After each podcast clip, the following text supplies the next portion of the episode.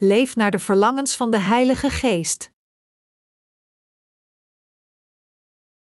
Galaten 5, 7, 26 U was zo goed op weg. Wie heeft u verhinderd de waarheid te blijven volgen? Niet hij die u geroepen heeft. Bedenk goed, al een beetje decem maakt het hele deeg zuur. De Heer geeft mij de overtuiging dat u en ik het daar volledig over eens zijn.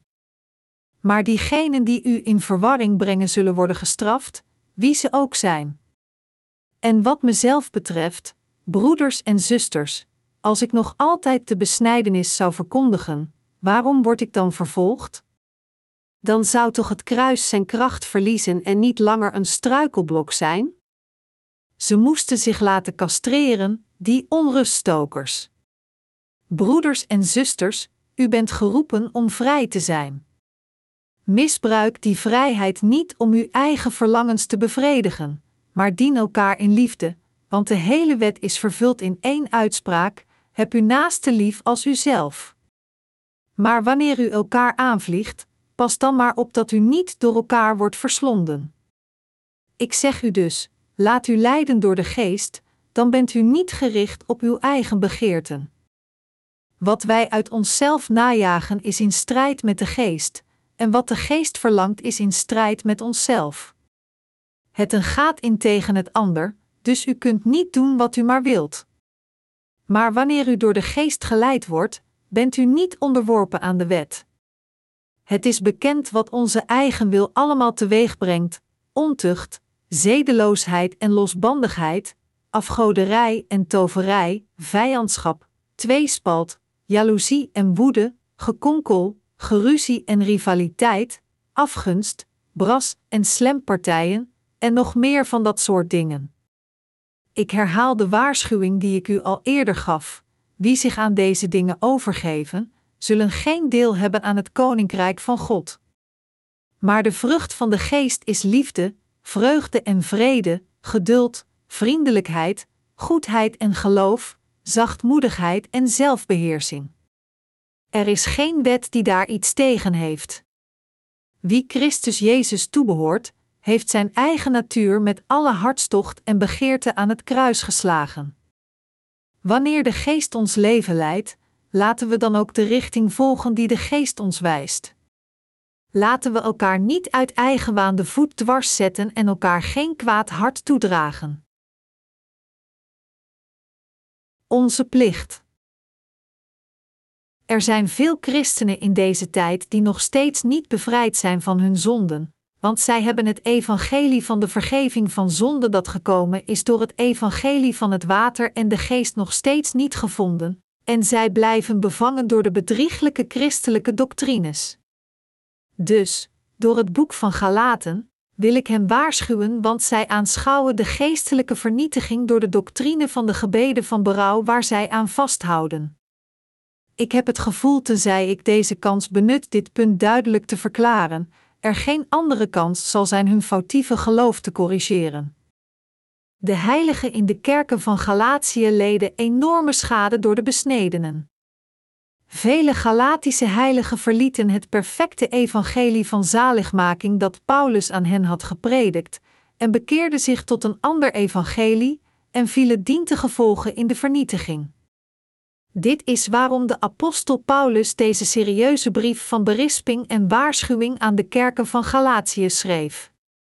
Ook in deze tijd proberen sommige christenen het evangelie van God te ondermijnen, net zoals de besnedenen die de kerken van Galatië naar de verwarring leiden.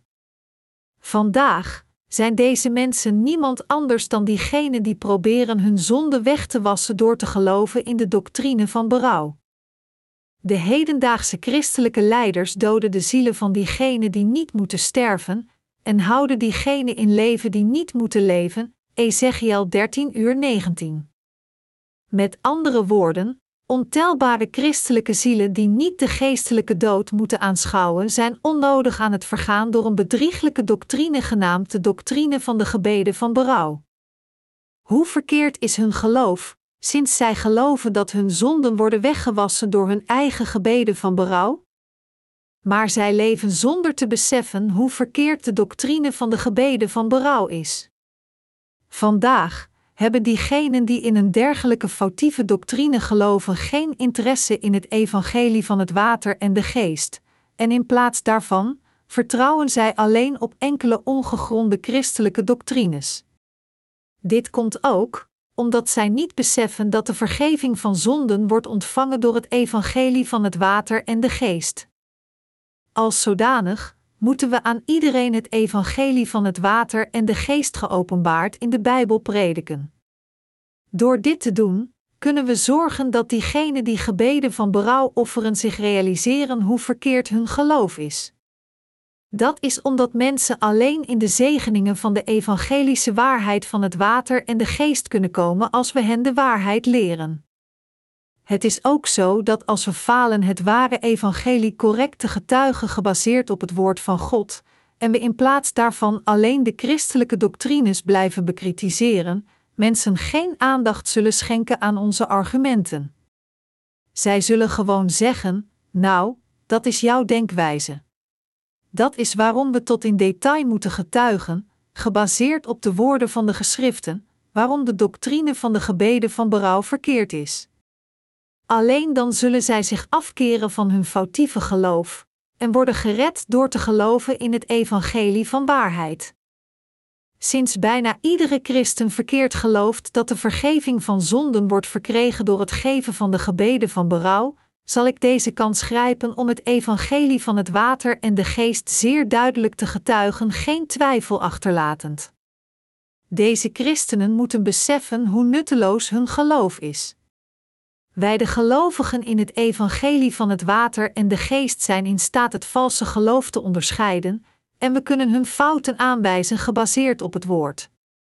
Gebaseerd op de Bijbel kunnen we precies verklaren waarom het geloof van de lichamelijke besnedenen vals is. Dit jaar wordt in Korea gezegd dat de watertemperatuur in de Oostzee, ook gekend als de Zee van Japan, ongeveer 5 graden hoger is dan het gemiddelde. Er wordt gezegd dat de stijging van de watertemperatuur met 1 graad gelijk staat op een schaal van een stijging met 10 graden van de grondtemperatuur. Beetje bij beetje kruipt deze wereld naar het einde. Laat me u eraan herinneren dat hoe gestoorder deze wereld wordt, hoe sneller en meer we het evangelie van het water en de geest over de hele wereld moeten verspreiden. Echter op hetzelfde moment maak ik mij ook zorgen dat de moeilijke politieke en economische condities in Korea een obstakel kunnen gaan vormen voor ons om het evangelie van het water en de geest te verspreiden. Dus vraag ik God voor zijn hulp, biddend: Heer, laat ons alstublieft zo snel mogelijk het evangelie van het water en de geest over de hele wereld verspreiden. Ik vraag u ook te bidden voor de verspreiding van het evangelie. Ik verzoek u gebeden voor Gods kerk als eerste, en dat de dienaren van God worden verenigd in een hart en triomferen door geloof. Het ware evangelie van het water en de geest dat tot nu toe getuigd moet worden. Laten we kijken naar Galaten 5, 7, 9. U was zo goed op weg. Wie heeft u verhinderd de waarheid te blijven volgen? Niet hij die u geroepen heeft. Bedenk goed, al een beetje decem maakt het hele deeg zuur. Wie zijn de mensen die de apostel Paulus hier u noemt? Het is de hele congregatie van de Galatische kerken, aan ieder van hun ziel, die de apostel Paulus u noemt. Met andere woorden, Paulus sprak hier tegen beide de vertegenwoordigers van de lichamelijke besnijdenis en de heiligen die correct geloofden. De apostel Paulus verklaarde hier duidelijk dat de leerstellingen van de vertegenwoordigers van de lichamelijke besnijdenis een foutieve christelijke doctrines vormt die afwijkt van de wil van God. Hij zei dat deze mensen de lichamelijke besnijdenis verdedigden in de Galatische kerken zonder dat het de wil van God was, maar hun eigen nutteloze lusten vervolgden voor de roem. Dat is waarom Paulus de besnedenen als deze betitelde, zeggend: Bedenk goed, al een beetje decem maakt het hele deeg zuur, Galaten 5, 9. De apostel Paulus maakte duidelijk dat de besnedenen uit Gods kerk verwijderd moesten worden, en in plaats van de besnijdenis moest het evangelie van het water en de geest altijd worden gepredikt. Maar de besnedenen waren zo dwaas dat zij vasthielden dat mensen lichamelijk besneden moesten worden om Gods mensen te worden, proberend Gods kerk joods te maken. Toen zij verwarring in Gods kerk brachten met hun dwaze beweringen, zei de apostel Paulus streng tegen hen: Als u de lichamelijke besnijdenis verdedigt en het zo aan anderen predikt, zult u in beide lichaam en geest vergaan. U zult vervloekt worden door God. Dus stop vast te houden aan de lichamelijke besnijdenis en predik een dergelijke nutteloze doctrine niet meer. Net zoals de apostel Paulus deed, moeten we ook de doctrine van de gebeden van berouw verslaan die het christendom in dit huidige tijdperk over de hele wereld bederft. Paulus benadrukt dat het wettisch geloofdesem is die iedere gelovige naar de dood leidt. Dit betekent dat we het foutieve geloof dat mensen van hun zonden zou bevrijden door hun eigen gebeden van berouw moeten overwinnen. Het betekent ook dat in Gods kerk alleen het evangelie van het water en de geest gepredikt moet worden, en dat geen enkele christelijke doctrine mag optreden of binnensluipen. We mogen de doctrine van de gebeden van berouw of iedere andere doctrine die tegen het evangelie van het water en de geest staan niet tolereren. Sommige mensen beweren valselijk, terwijl ik aan het bidden was, verscheen God in mijn gebed en gaf mij persoonlijk zijn woord. In Gods kerk moet een dergelijk mystiek overtuiging niet worden aangenomen, noch moet iemand charismatische overtuigingen verspreiden, valselijk bewerend bovennatuurlijke krachten uit te oefenen. We moeten geloven in Jezus Christus als onze Verlosser, die ons geroepen heeft met het evangelie van het water en de geest. Jezus Christus heeft ons van al onze zonden voor eens en altijd bevrijd door het evangelie van het water en de geest, en iedere ware gelovige in dit evangelie is gered van al zijn zonden door zijn genade. God laat de gelovigen van het ware evangelie het over de hele wereld verspreiden. Nu dat we geloven in de evangelische waarheid van het water en de geest, en we gered zijn van al onze zonden, moeten we ons geloof in dit ware evangelie in onze levens verdedigen. We moeten beseffen dat het door het evangelie van het water en de geest is dat we de Heer zijn gaan eren en Hem dienen. We moeten geloven in deze evangelische waarheid en we moeten leven met een eeuwig groeiend geloof, want alleen dan kunnen we God verheerlijken. We moeten onze zielen verdedigen door ons geloof in het evangelie van het water en de geest te plaatsen. We moeten beseffen dat het alleen Gods kerk is die dit oorspronkelijke evangelie predikt. Daarom, in Gods kerk, moeten we nooit iemand tolereren die valse desem verspreidt. Nu, geen enkele andere leerstelling dan het evangelie van het water en de geest mag in Gods kerk komen, noch mogen ooit dergelijke leerstellingen worden gevolgd. We moeten oppassen dat de geestelijke desem niet Gods kerk binnenkomt. Desem wordt gekenmerkt door zijn neiging tot uitzetten. Om het volk van Israël te bevrijden uit de slavernij van Egypte, liet God hen de Rode Zee oversteken, en om hen van de toekomstige plaag te redden, stelde hij het paasfeest voor hen in. Het paasfeest werd gevolgd door een week van het feest van het ongegiste brood. Dus, het volk van Israël moest het feest van het ongegiste brood voor zeven dagen houden in de woestijn nadat zij uit Egypte waren ontsnapt. God vertelde het volk van Israël al de gist uit hun huizen weg te gooien tijdens de zeven dagen van het feest van het ongegiste brood ingevoerd door hem. Deze gist is equivalent aan de hedendaagse slechte doctrines die christenen naar de geestelijke bedorvenheid leiden.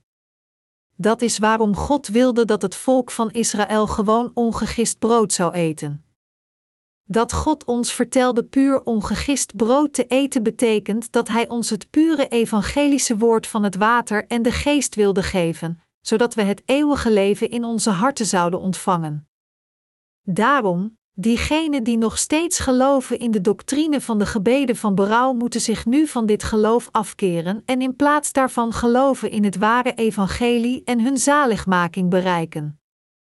Om dit mogelijk te maken, moeten wij ook met heel ons hart geloven in het evangelie van het water en de geest zoals het is, en het aan zondaars precies zo prediken, sinds wij de vergeving van onze zonden hebben ontvangen door te geloven in dit oorspronkelijke evangelie.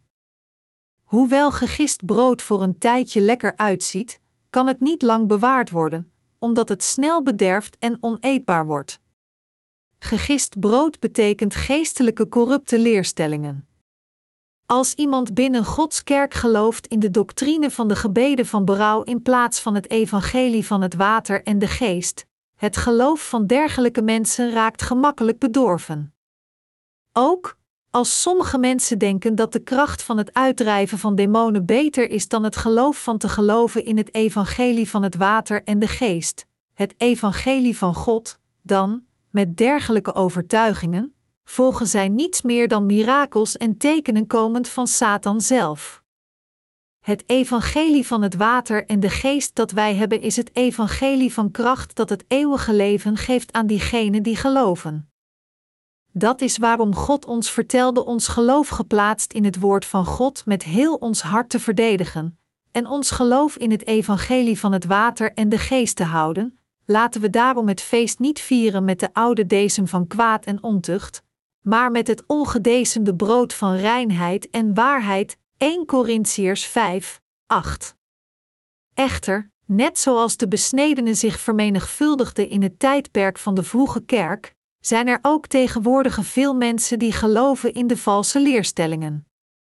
Dat is waarom het nu in dit tijdperk zo noodzakelijk voor ons is te geloven in het evangelie van het water en de geest, het te verdedigen en onze correcte levens van geloof te leven als godsdienaren.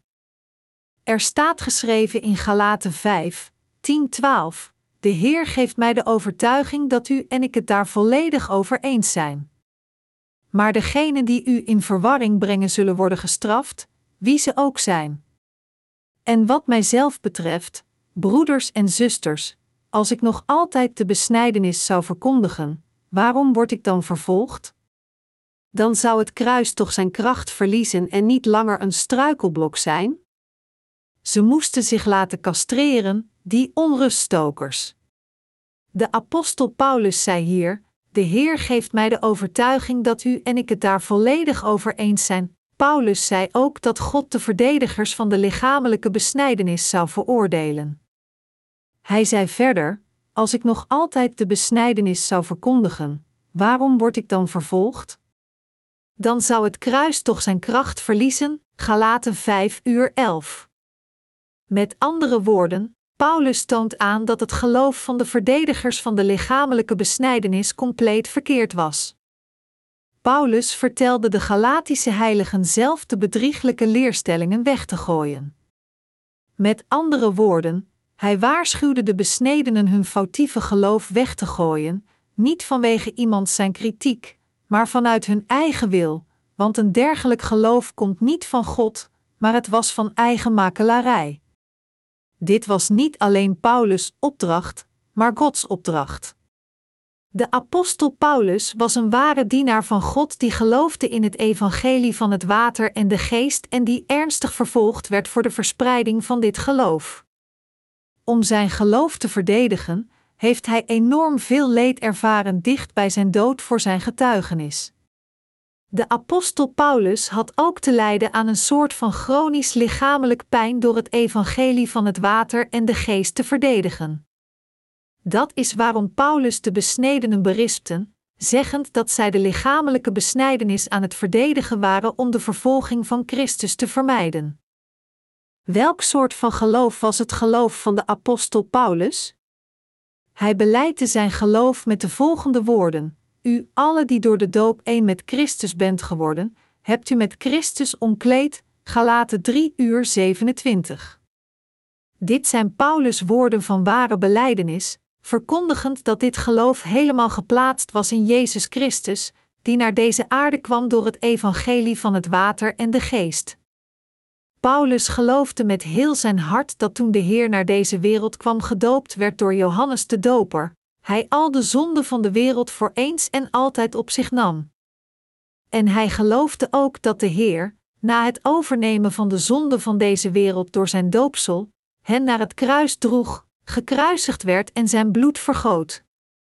De apostel Paulus was een dienaar van God die zijn geloof compleet plaatste in het feit dat door te geloven in het evangelie van het water en de geest, hij al zijn zonde aan Jezus Christus had doorgegeven, met hem stierf en weer met hem verrees. En deze woorden van Paulus waarschuwen ons hetzelfde geloof te hebben. Paulus zei dat diegenen die nu met heel hun hart geloven in het evangelie van het water en de geest diegenen zijn die het eeuwige leven hebben ontvangen door te geloven dat zij al gestorven zijn met Christus en weer met hem zijn verrezen. Ons het evangelie van het water en de geest gevend, vertelde onze Heer ons, onze levens van geloof te leiden door te vertrouwen in dit perfecte evangelie van waarheid. Echter, er waren sommige mensen die niet geloofden in het evangelie van het water en de geest als de echte waarheid, en zij waren in plaats daarvan moeilijkheden aan het maken in Gods kerk met hun bedrieglijke leerstellingen van de lichamelijke besnijdenis. Paulus zei tegen dergelijke mensen dat hij wilde dat zij hun foutieve overtuigingen zelf zouden weggooien. Inderdaad, diegenen die verdwaald zijn van God moeten hun corrupte geloof zelf weggooien. Als zij zelf hun foutieve geloof niet beseffen en het wegdoen, wie anders kan het namens hen wegdoen? We moeten duidelijk beseffen dat alle andere leerstellingen behalve het evangelie van het water en de geest leerstellingen zijn die wij zelf moeten wegdoen. Omdat het evangelie van het water en de geest de uiteindelijke waarheid is die al de zonde van de wereld heeft weggewassen, kunnen we het keer na keer aan de mensen prediken. Zelfs als we dit ware evangelie van het water en de geest tienduizend keer zouden prediken, dan zou het nog steeds niet te veel zijn. Integendeel, om iets anders dan het evangelie van het water en de geest te prediken voor gewoon één keer is absoluut verdorven. Mensen zijn nooit te moe om te luisteren naar het pure, ongegiste evangelische woord van het water en de geest. Echter, diegenen die niet met hun harten in de evangelische waarheid van het water en de geest geloven, worden moe van het herhaaldelijk luisteren naar dit evangelie.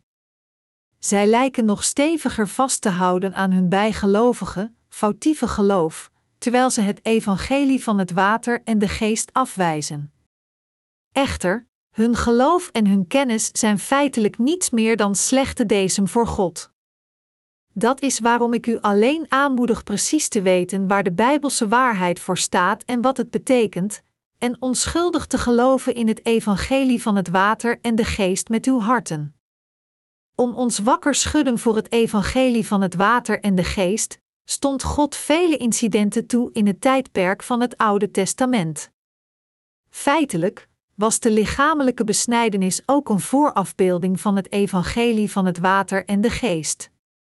Als we diegenen onderrichten die verward zijn door de lichamelijke besnedenen, moeten we hen leren dat de wet van de besnijdenis gericht was om hen de besnijdenis van het hart te leren kennen, dat is, de vergeving van zonden, Romeinen 2 uur 29. Daarom moeten we beseffen dat vast te houden aan de lichamelijke besnijdenis wettisch niets te maken heeft met Jezus Christus.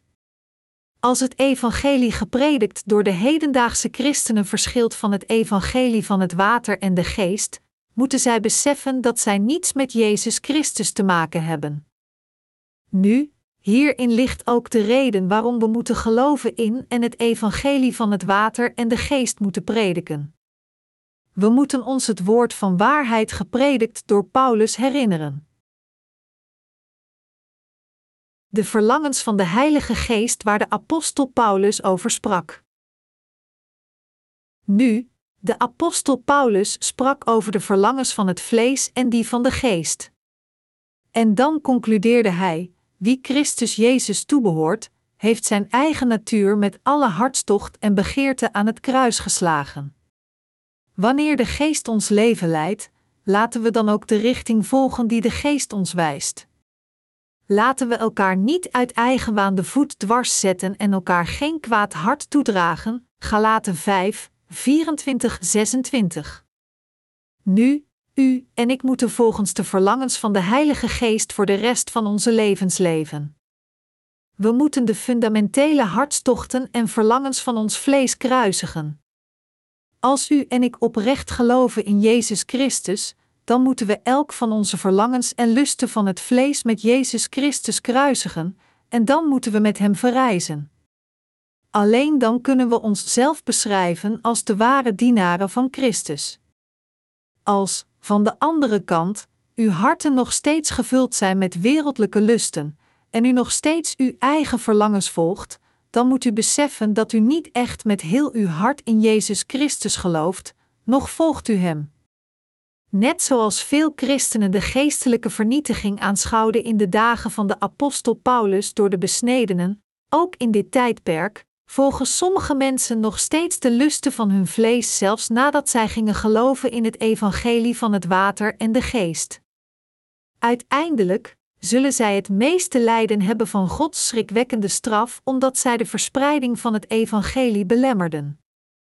Diegenen die niet de lusten van hun vlees wegdoen nadat zij wedergeboren werden door te geloven in het evangelie van het water en de geest zijn dezelfde als de vertegenwoordigers van de lichamelijke besnijdenis. Wat beide gemeenschappelijk hebben is dat zij werken om Gods kerk te ruineren en de verkondigen van het evangelie van het water en de geest belemmeren. In feite zijn zij eigenlijk Gods vijanden. De apostel Paulus beleidt zijn geloof in het evangelie van het water en de geest herhaaldelijk: Met Christus ben ik gekruisigd, ik zelf leef niet meer, maar Christus leeft in mij. Galaten 2 uur 20. U alle die door de doop één met Christus bent geworden, hebt u met Christus omkleed. Galaten 3 uur 27. Wie Christus Jezus toebehoort, heeft zijn eigen natuur met alle hartstocht en begeerte aan het kruis geslagen. Galaten 5 uur 24. Paulus verklaarde dat hij tot de dood was gekruisigd met Christus en met hem verrees, alles door zijn geloof in het evangelie. Waarom deed hij dit? Dat is omdat u en ik ons geloof in het evangelie van het water en de geest opnieuw moeten bevestigen, want zelfs na de ontvangst van de vergeving van zonde door te geloven in dit oorspronkelijke evangelie, zijn we nog steeds gebonden aan ons ontoereikende vlees. Hoewel ons vlees nog steeds ontoereikend is, hebben we al de vergeving van onze zonde ontvangen door te geloven in het evangelie van het water en de geest. Echter, als we door zouden gaan met het volgen van de verlangens van het vlees zelfs nadat we zijn wedergeboren, dan zou dat hetzelfde zijn als het volgen van onze oude meester. U moet beseffen dat als wij de wedergeborenen het vlees volgen, dat hetzelfde is als te zeggen dat we niet langer iets met de Heer te maken willen hebben, nadat we gered zijn geworden van al onze zonden door te geloven in het evangelie van het water en de geest. Dit is hetzelfde als het dienen van de oude farao. Sommigen van u hebben twee koningen in uw hart. Eentje zal God zijn, en de andere koning zal uw eigen ego zijn, dat is de lust van het vlees. Voordat we waren wedergeboren, hebben onze eigen verlangens over ons geheerst als onze eigen koning, maar toen we eenmaal waren wedergeboren, was het God die onze koning werd. Als, ondanks dit, u nog het vlees volgt nadat u werd wedergeboren, dan zult u uiteindelijk veranderen in Gods vijand. Dit is het punt dat ik u vandaag wil duidelijk maken. U en ik zijn nieuwe creaties geworden. In Korea zijn veel populieren geplant langs de rivieroever of bij de ingang van het dorp. Laat ons hier aannemen dat de dorpsoudsten beslissen om een oude, grote populier om te hakken door te zeggen dat het noodzakelijk is. Als zij de boom niet met wortel en al uittrekken en een stronk achterlaten, zullen zij volgend jaar nieuwe knopen zien spruiten en nieuwe takken zien groeien. Ik gebruik dit voorbeeld om aan te geven dat onze verlangens van het vlees net zo zijn. De apostel Paulus zegt dat als we geloven in het evangelie van het water en de geest met onze harten, het nieuwe leven van Jezus Christus nu in ons geënt is. In Romeinen hoofdstuk 11 legde Paulus uit dat het ware leven genaamd het evangelie van het water en de geest aan ons gegeven is. Wij hadden niets dan slechte eigenschappen van het vlees. Als een boom wordt geënt, worden zijn takken afgezaagd alleen de basis van de boom overlatend. De stam wordt in een bepaalde hoek gezaagd en de spruit wordt geënt op de stam. De end wordt omwikkeld met tape. Uiteindelijk zal de geënte spruit gaan groeien door de voedingsstoffen vanuit de stam waar hij op vastzit op te nemen. Als een gekweekte perenboom geënt wordt aan een wilde perenboom, ondanks dat de wortelen van een wilde perenboom zijn, zijn de takken van de gekweekte boom, en dus zal hij gekweekte peren dragen. Dat is omdat de commerciële perenboom geënt werd op de wilde boom. Net zo vertelt de Bijbel ons dat onze Heer Jezus Christus in onze slechte harten kwam vervuld met de slechte eigenschappen van ons vlees, al onze zonden met het evangelie van het water en de geest verwijderde, en toen zijn leven in onze harten plantte. Anders gezegd, de geest van God kwam in onze harten die alleen vervuld waren met slechtheid.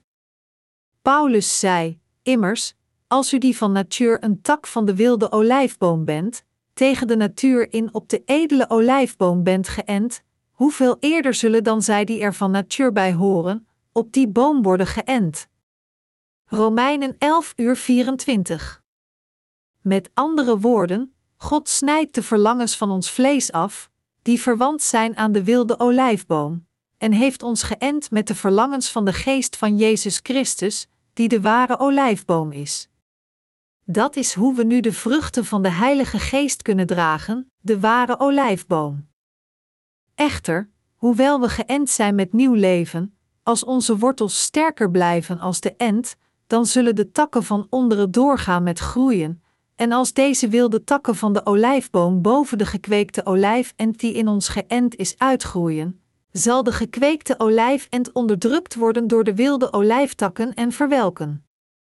Dat is waar de apostel Paulus ons waarschuwt dat we nu als nieuwe creaties zijn geënt, om de verlangens van de wilde olijfboom af te hakken die ontstaan in ons vlees, en de gekweekte olijfboom te voeden en te laten groeien door geloof.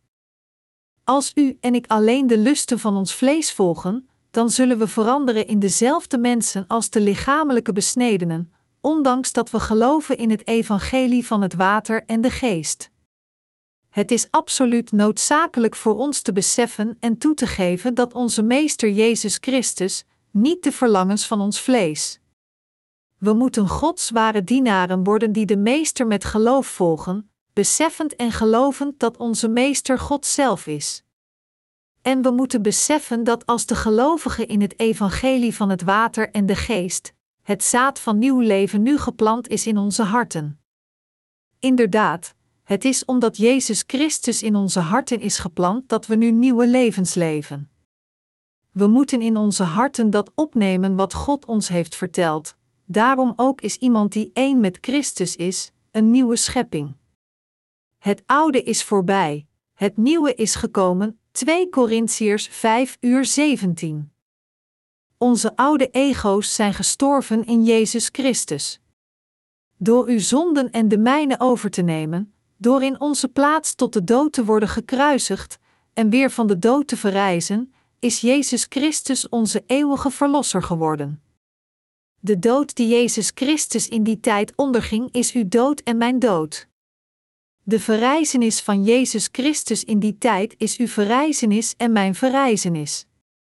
Als we echt geloven in het evangelie van het water en de geest, en als we inderdaad geloven in Jezus Christus, dan moeten we ook weten en geloven dat onze oude ego's gestorven zijn en we nu verrezen zijn als nieuwe creaties met Hem.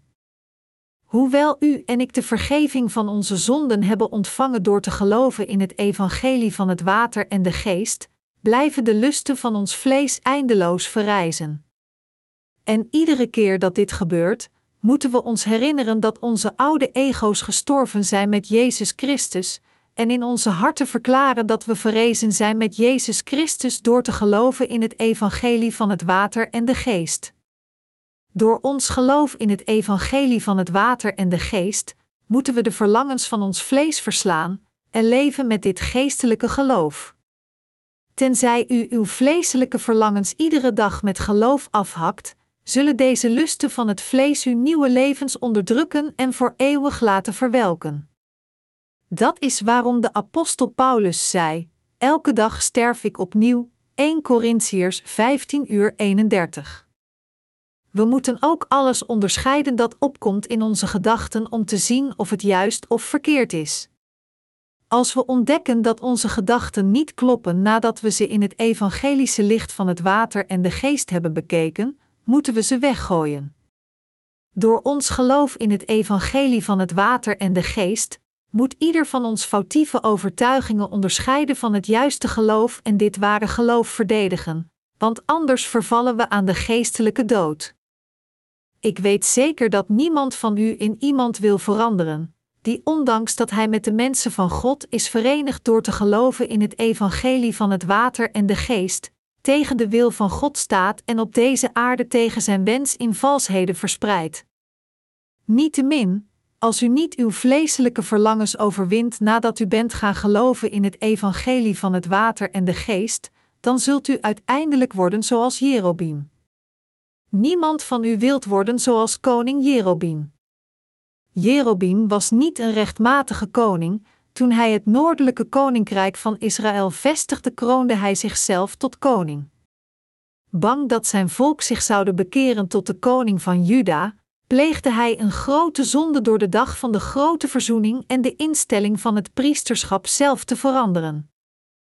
Koning Jerobim veranderde de datum van de dag van de grote verzoening, die vaststond op de achtste dag van de zevende maand, willekeurig naar tot de vijftiende dag van de achtste maand. Het offeren van het offer op de dag van de grote verzoening op deze nieuwe datum van zijn eigen keuze, Leviticus 16 uur 29 en Koningen 12, 3:32. Ontelbare mensen van Israël vervielen aan de bedrieglijke leerstellingen van Jerobim, en dientengevolge aanschouwden zij niet alleen de geestelijke vernietiging, maar ook de lichamelijke ondergang. Uiteindelijk werden zij tot slaven gemaakt door de Assyriërs. Vanwege de grote zonde van Jerobim werd het volk van het noordelijke koninkrijk van Israël gestraft door God om te worden bezet door de Assyriërs en als slaven te worden afgevoerd naar andere landen. De meeste van hen keerden nooit meer terug naar hun thuisland. Door de waarheid van de offerdag van de dag van de grote verzoening gevestigd door God te verzetten, pleegde Jerobim een grote zonde die heel zijn volk naar de dood dreef. Omdat hij de wet van het schoonwassen van zonde verzette, waardoor het volk van Israël de vergeving van hun zonde kon ontvangen, werden al diegenen die zijn kant kozen geestelijk vernietigd. Met andere woorden, deze man Jerobim zondigde niet alleen en aanschouwde de geestelijke dood niet alleen, maar hij bracht de geestelijke dood naar ontelbaar veel mensen. De apostel Paulus zei: ze moeten zich laten castreren, die onruststokers.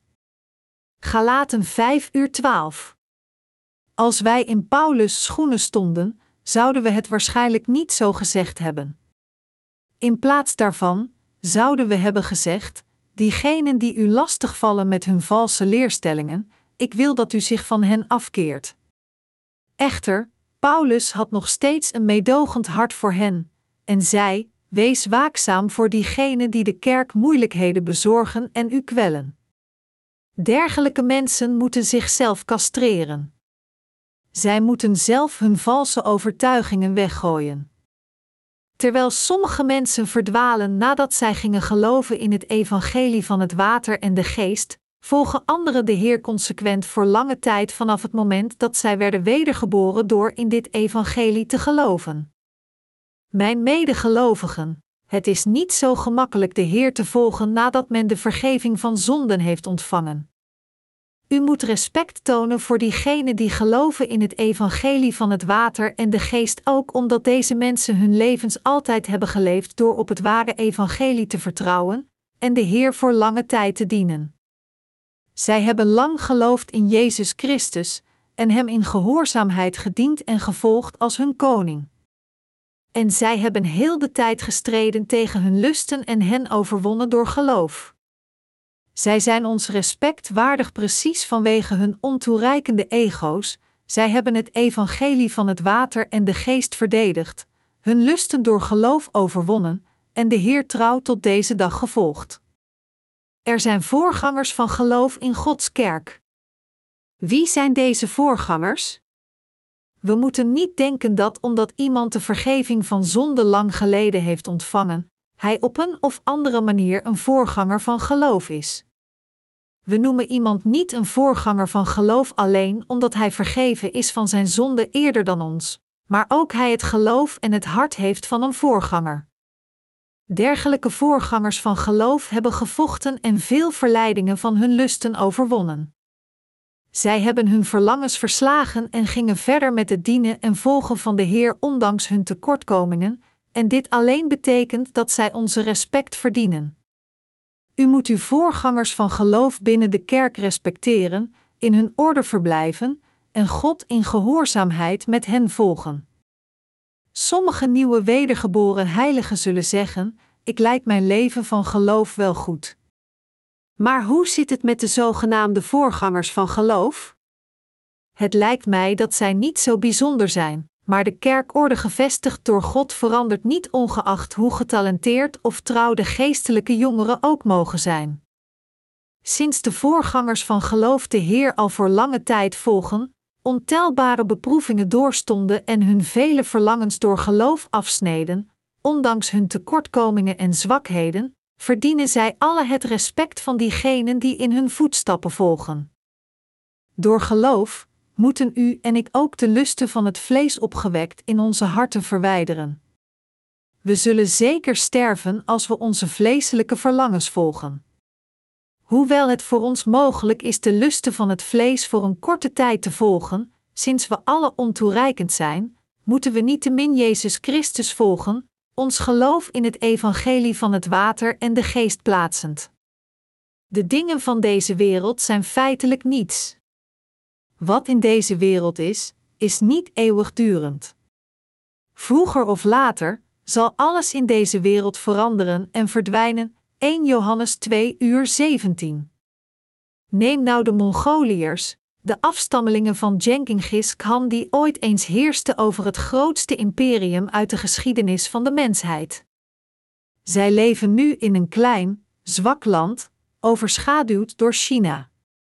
Net zo zal alles in deze wereld onvermijdelijk achteruit gaan als het zijn toppunt heeft bereikt. De glorie van de wereld verdampt in een oogopslag. In feite bereiken veel meer mensen niet de top, maar blijven steken op de bodem om anoniem te verdwijnen.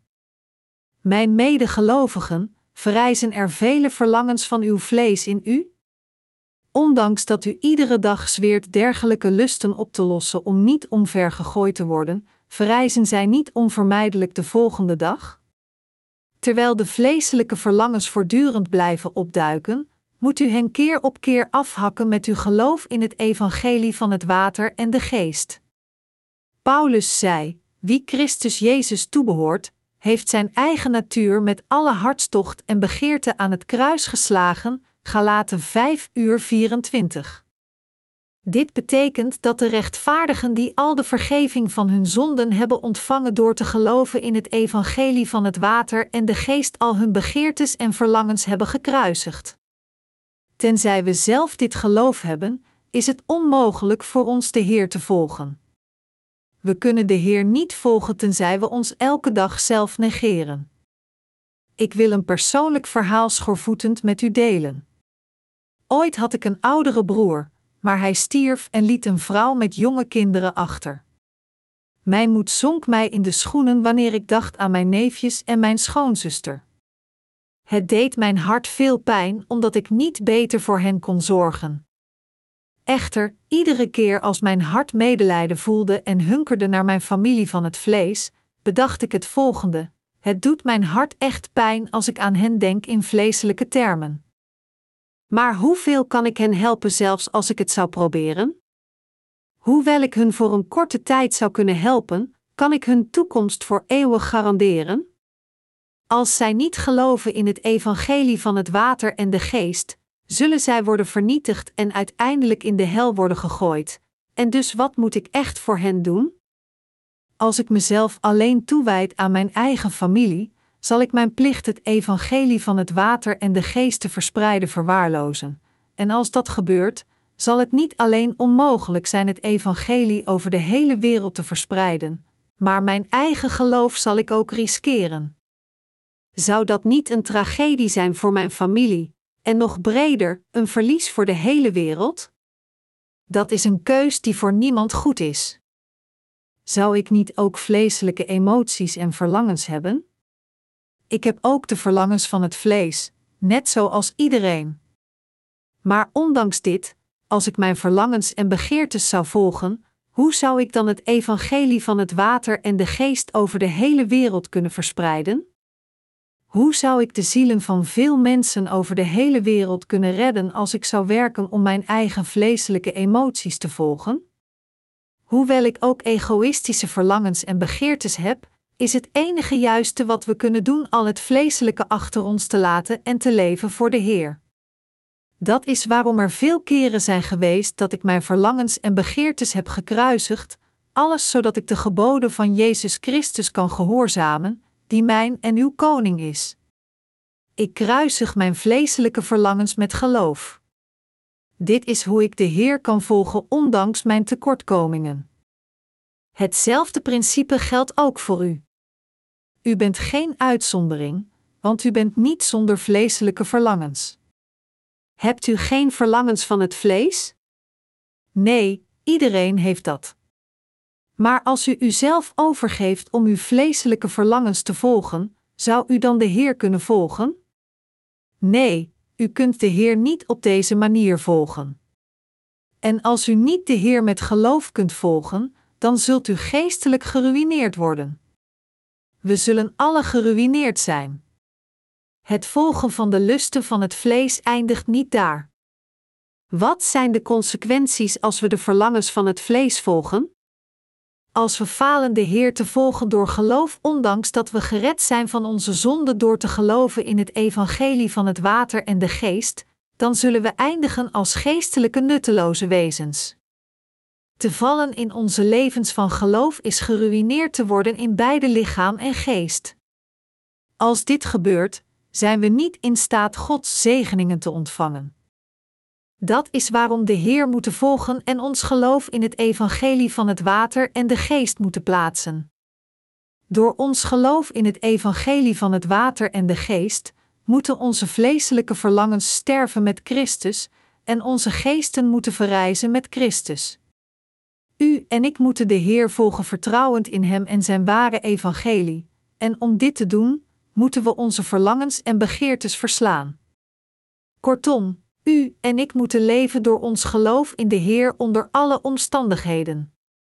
Dat is wat de apostel Paulus nu tegen ons zegt.